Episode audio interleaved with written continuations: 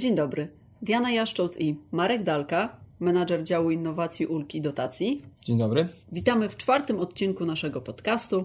Marku, porozmawiajmy dzisiaj o tym, czy Polska jest po pierwsze krajem innowatorów i po drugie, jakie instrumenty podatkowe mogą pomóc przedsiębiorcom w generowaniu oszczędności na nowe inwestycje. Z najnowszych raportów wynika, że poziom innowacyjności w Polsce nie jest zbyt wysoki. W Europejskim Rankingu Innowacji 2019 Polska zajęła czwarte miejsce od końca, wyprzedzając jedynie Rumunię, Bułgarię i Chorwację. Czy tak niska pozycja według Ciebie ma związek z brakiem inwestycji finansowych w innowacyjne projekty? Po pierwsze, należy podkreślić, że niski poziom innowacyjności wcale nie musi wynikać z niewielkich nakładów finansowych. Polskie firmy rzeczywiście takie nakłady ponoszą. Natomiast e, bardzo ważny jest element komercjalizacji wyników. W tym aspekcie w wielu przypadkach e, firmom brakuje odpowiedniej wiedzy, doświadczenia, dostępu do kapitału i to jest też jednym z powodów, dlaczego wyniki projektów badawczo-rozwojowych, które prowadzą polskie firmy, są tak mało widoczne na rynku. Po drugie, jednym z kluczowych elementów budujących innowacyjność jest oczywiście specjalistyczna kadra.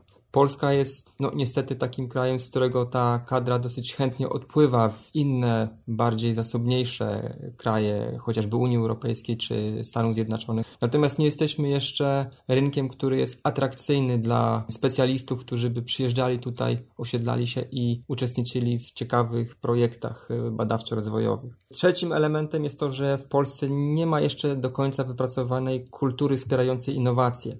Taka kultura promuje otwartość i dużą dynamikę zmian, a także akceptuje ryzyko błędów, które są nierozerwalnie złączone z projektami badawczo-rozwojowymi. Wszyscy sobie jesteśmy w stanie wyobrazić, że zanim powstanie jakiś wynalazek, taki zespół projektowy stworzy co najmniej 100-150 wersji wynalazku, który nie będzie spełniał wszystkich wymagań, które byłyby przed nim stawiane jako przed produktem finalnym. Czyli my raczej uznajemy, że kolejne próby to jest błąd, który popełniliśmy, a nie to, że przybliżają one nas do produktu, który będzie produktem finalnym. Tak, to, to jest właśnie ten element kultury wspierającej innowacje. Błąd jest elementem projektów badawczo-rozwojowych. Natomiast polscy przedsiębiorcy realizując takie projekty z góry padają sukces bądź koncentrują się tylko na tych projektach, które przyniosą im pozytywny wynik. One oczywiście są też ważne dla firm w ich działalności, szczególnie małe i średnie firmy. E, łatwo sobie wyobrazić, że, że tam jest największy nacisk na jak najlepszy wynik. Natomiast chodzi o to, żeby promować te projekty, które są obarczone największym ryzykiem, bo tam ta innowacyjność jest najbardziej widoczna. Ale znowu wracamy do tego, co mówiłem na początku. Potrzebna jest wiedza na temat komercjalizacji tych wyników, no bo cóż nam po wynikach, jeżeli nie potrafimy ich później sprzedać. A na jaką pomoc rządową mogą liczyć polscy innowatorzy i z jakich narzędzi, na przykład podatkowych, mogą skorzystać firmy, które chcą jednak w Polsce rozwijać swoją działalność innowacyjną? Na tą chwilę najbardziej przystępną formą wsparcia jest e, tak zwana ulga badawczo-rozwojowa, która stanowi dobry mechanizm do pobudzenia innowacyjności i jej dużą zaletą jest możliwość wygenerowania oszczędności, które firmy mogą w dowolny sposób inwestować w swoje kolejne projekty. Skorzystanie z takiej ulgi wpływa dwukrotnie na podatnika, ponieważ przede wszystkim może przypisać te koszty do kosztów uzyskania przychodu, a następnie w ramach tej ulgi odlicza od podstawy opodatkowania koszty, które ustawa uznaje za kwalifikowane. Obrazowo mówiąc, każda złotówka pozwala na odliczenie od podstawy opodatkowania 2 zł. A jak firmy mogą wykorzystać ten zwrot podatkowy, który przynosi ulga badawczo-rozwojowa? Są jakieś zasady? Mają jakieś ograniczenia?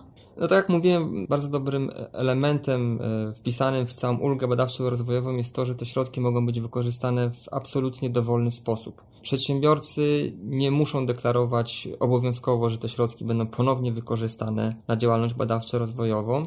Z naszych badań wynika, że blisko połowie przedsiębiorstw te środki są przeznaczane na inwestycje, a niemal w co trzeciej firmie środki te wracają na finansowanie kolejnych projektów badawczo-rozwojowych. Tak więc przedsiębiorca ma wolną rękę, co zrobić z uzyskanymi środkami i jest to niewątpliwie ogromna zaleta mechanizmu ulgi badawczo-rozwojowej.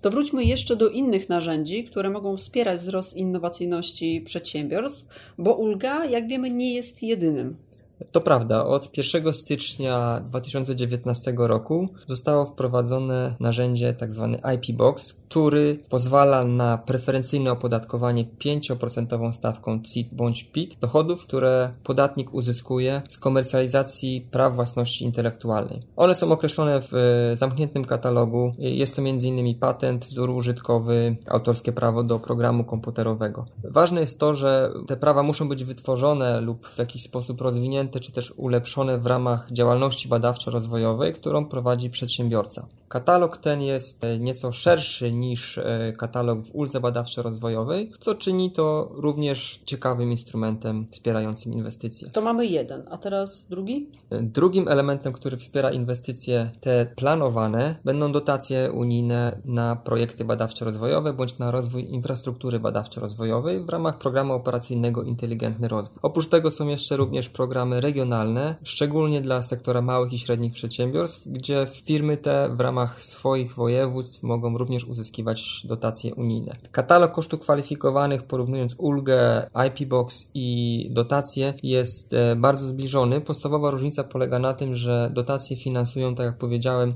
te projekty, które dopiero mamy w planach i, i, chcemy je wykonać. Najważniejszą różnicą natomiast jest to, że przy dotacjach musimy wykazać, że wynik takich prac badawczo-rozwojowych będzie innowacyjny na skalę co najmniej kraju bądź nawet i świata. Marku, a co trzeba zrobić, żeby z takich dotacji skorzystać? Bo jak wiemy, dotacje chyba w Polsce już są instrumentem dość opatrzonym. Polacy chyba dość dobrze nauczyli się z dotacji korzystać. To prawda, dotacje znane są już co najmniej od dobrych 15 lat. Jeśli mówimy o projektach badawczo-rozwojowych, przede wszystkim taki przedsiębiorca musi sobie odpowiedzieć na pytanie, czy posiada kadrę, która będzie w stanie przeprowadzić merytorycznie taki projekt, ponieważ bardzo ważne jest opisanie to dokładnie, jakie etapy prac będzie wykonywał. Musimy, wnioskując o taką dotację, wykazać, że nasz projekt jest wiarygodny od strony finansowej, ale również od strony planowania i zarządzania zasobami, które będą opisane. Także trzeba bardzo dokładnie zastanowić się nad celami, jakie chcemy osiągnąć, rynkiem docelowym, w który celujemy z naszym nowym produktem, a także z kosztami, jakie w tym projekcie planujemy. Koszty są o tyle ważne, że, tak jak mówiłem, wniosek składamy na projekt, który będziemy dopiero realizować, więc e, należy zakładać, że ten budżet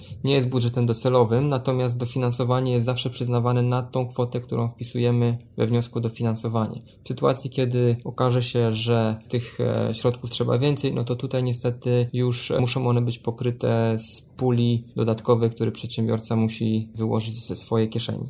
W przypadku dotacji wystarczy nam tylko dobrze napisany wniosek, który przejdzie następnie przez formalne zatwierdzenie. Zatwierdzenie formalne i ocena to jest tak naprawdę dopiero połowa sukcesu. Żeby te pieniądze naprawdę otrzymać, projekt trzeba przede wszystkim wykonać. Bardzo często trzeba przejść kontrolę, która będzie weryfikować wyniki i osiągnięcie kamieni milowych i dopiero wtedy następuje pełne zatwierdzenie projektu i pełne zatwierdzenie dotacji. Więc tutaj ta droga jest troszeczkę bardziej wyboista. No i oczywiście wszystko zależy od efektu końcowego. Dobrą wiadomością jest to, że taka dotacja jest tak naprawdę premią za podjęcie ryzyka. Więc w sytuacji, kiedy przedsiębiorca pomimo przeprowadzenia prac badawczo-rozwojowych zgodnie z zasadami sztuki nie osiągnął zakładanego celu, ponieważ jakieś przeszkody natury technicznej, naukowej stały w trakcie jego realizacji, taka dotacja nie jest odbierana. Te dotacje z programu Innowacyjny Rozwój w pewnym sensie kreują tą kulturę podnoszenia ryzyka i prowadzenia projektów, które nie są pewne, bo właśnie nie każą przedsiębiorców wtedy, kiedy trafiają na ryzyko wdrożenia bądź ryzyko w ogóle zakończenia projektu. A czy można taką dotację stracić? Dotację można stracić, ale tak jak powiedziałem, utrata tej dotacji nie będzie związana z tym, że projekt y, nie został zakończony powodzeniem, bo e, wydarzyły się jakieś techniczne przesłanki, żeby ten projekt wstrzymać. Utrata dotacji zazwyczaj następuje w sytuacji, kiedy taki przedsiębiorca no, wydaje te środki niezgodnie z przeznaczeniem, bądź dokonuje zakupów usług, e, urządzeń, surowców w sposób niezgodny z umową o dofinansowanie. Ale są to według mojej wiedzy bardzo marginalne przypadki. Dlatego też warto zwracać uwagę, pisząc wniosek, czego się podejmujemy. Marku, to porozmawiajmy jeszcze przez chwilę o spójności wniosku pod względem formalnym, a po tym, co de facto przedsiębiorca może uzyskać. Jak to wygląda w praktyce?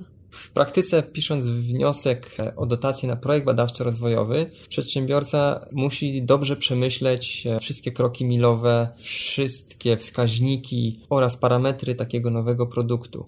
Jest tutaj pewien problem, ponieważ jak opisać dobrze wyniki projektu badawczo-rozwojowego, kiedy jesteśmy w sferze badań i nie jesteśmy mhm. pewni końcowego wyniku. Taka jest oczywiście natura tak, prac badawczo-rozwojowych. Natomiast ramy konkursu wymagają, żeby było to dosyć dobrze sparametryzowane, dlatego pisząc taki wniosek trzeba cały czas pamiętać o tym, że będziemy etapowo rozliczani z wyników takiego projektu, a i też na koniec powinniśmy być w stanie przedstawić wynik zgodny z tym, co opisaliśmy. Oczywiście, jeżeli w trakcie realizacji projektu dochodzi, albo wręcz konieczne są pewne zmiany bądź odchylenia po to, żeby osiągnąć ten efekt końcowy, jest to zazwyczaj dopuszczalne, ale wymaga kontaktu i uzgodnień z instytucją, która zarządza takim programem.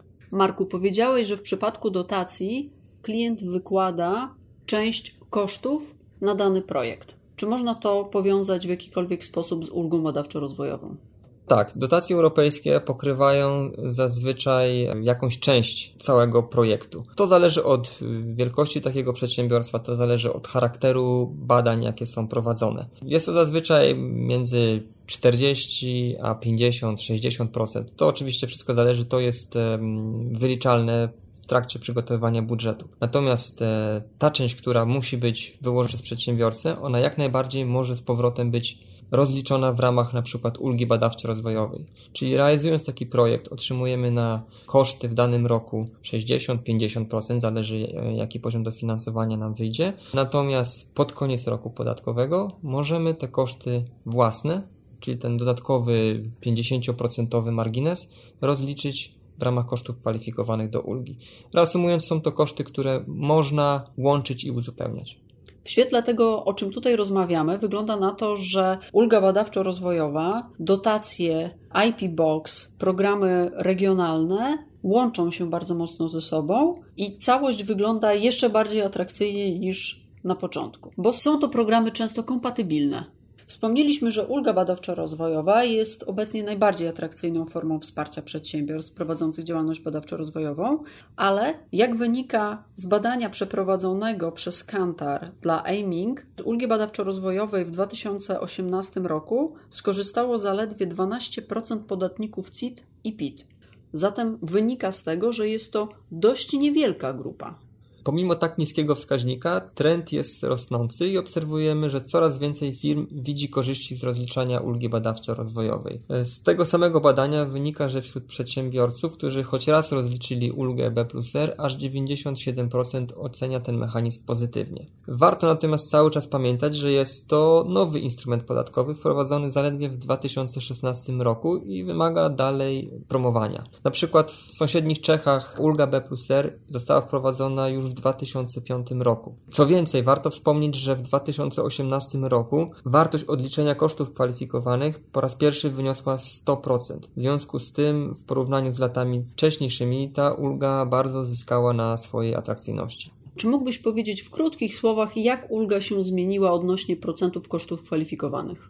Ulga badawczo-rozwojowa wprowadzona w 2016 roku była instrumentem, który pozwalał na odliczenie od 10 do 30% kosztów kwalifikowanych. Następnie rok do roku ta wartość powoli wzrastała do 50% i wreszcie w roku 2018 był pierwszy moment, kiedy można było odliczyć 100% kosztów kwalifikowanych. Ważne jest też to, że ulga badawczo-rozwojowa premiuje projekty, które mają znamiona innowacyjności w skali przedsiębiorstwa. Czyli tutaj podatnik podatnik nie musi wykazywać i udowadniać w Urzędzie Skarbowym, że jego projekt ma znamiona innowacyjności na skalę przykład światową czy też europejską. Każdego rodzaju usprawnienie, które jest wprowadzane w naszym przedsiębiorstwie, może potencjalnie kwalifikować się pod taką ulgę.